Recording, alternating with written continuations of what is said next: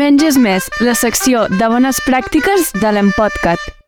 El Menys és més d'aquest episodi és una campanya del Choosing Wisely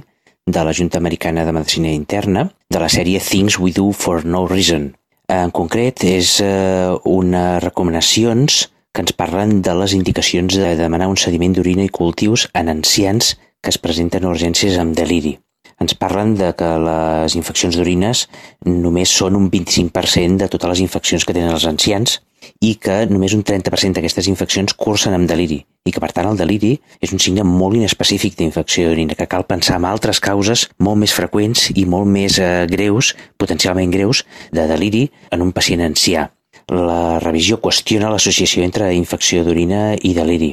De fet, a urgències moltes vegades, i el, aquest és el problema que se vol centrar aquesta revisió, és que associem eh, infecció d'orina amb deliri perquè eh, en lloc de tenir en compte el diagnòstic d'infecció d'orina, eh, normalment estem parlant de la bacteriúria asimptomàtica, és a dir, un sediment patològic o un cultiu patològic en absència de clínica compatible. Aleshores, les recomanacions que ens fa aquesta recomanació del Choosing Wisely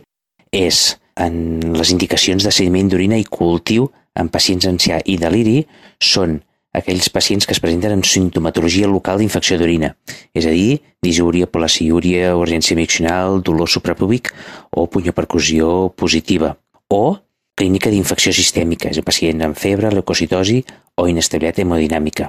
Per tant, en aquell pacient sense aquests signes locals o sistèmics d'infecció severa, no demanem sediment ni cultiu, per contra, sí que ens hem d'assegurar que fem una bona anamnesi, que coneixem l'estat basal del pacient, que fem una exploració física i neurològica curada, que demanem proves complementàries fent un diagnòstic diferencial de les possibles causes d'aquest deliri i sobretot fem un maneig dels factors de risc modificables de deliri, per exemple, els factors ambientals, la deprivació del son, medicació, immobilització i dèficits sensitius.